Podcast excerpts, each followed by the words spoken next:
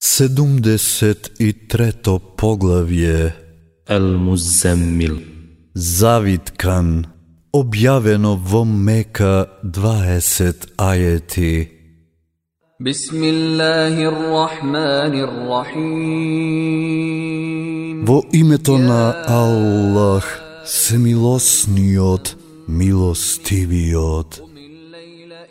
О, ти завиткан, пробдеј ја ноќта освен мал дел, половината нејзина или помалку од неа, или малку повеќе од неа и изговарај го Куранот внимателно.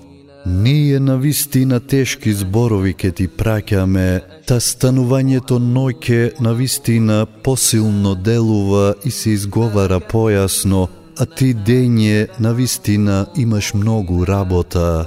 Испомнувај го името на Господарот свој и не му потполно посвети му се.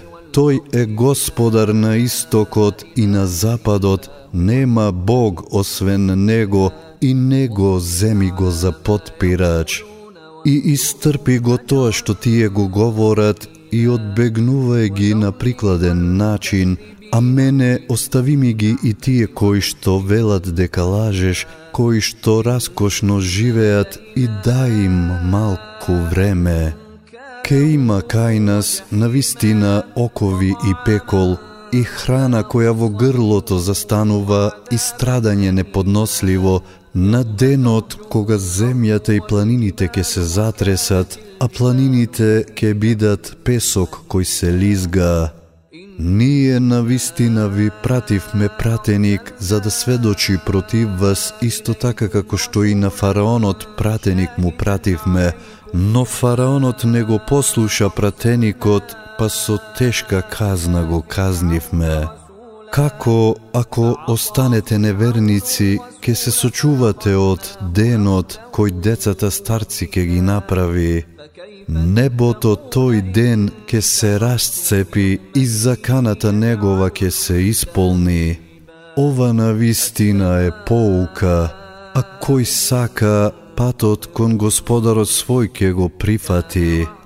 Господарот твој сигурно знае дека ти клањајки поминуваш помалку од две третини од ноќта, половина од неа или третина од неа, а и некој од тие што се со тебе. Аллах ја одредува должината на ноќта и денот. Тој знае дека вие тоа нема да можете да го издржите, па ви простува, а вие од Куранот рецитирајте го тоа што е лесно. Тој знае дека меѓу вас има и болни, а и такви кои што по светот ке патуваат и Аллаховите благодати ке ги бараат, и такви кои на Аллаховиот пат ке се борат. Па рецитирајте го тоа што ви е лесно од него и намазот извршувајте го и зекат давајте и на Аллах убав заем давајте му, а доброто кое што за себе однапред ке го дадете, ке го најдете кај Аллах уште подобро и поголемо за награда, и молете го Аллах да ви прости, бидејќи Аллах простува и милостив е. Инна Аллах гафурур рахим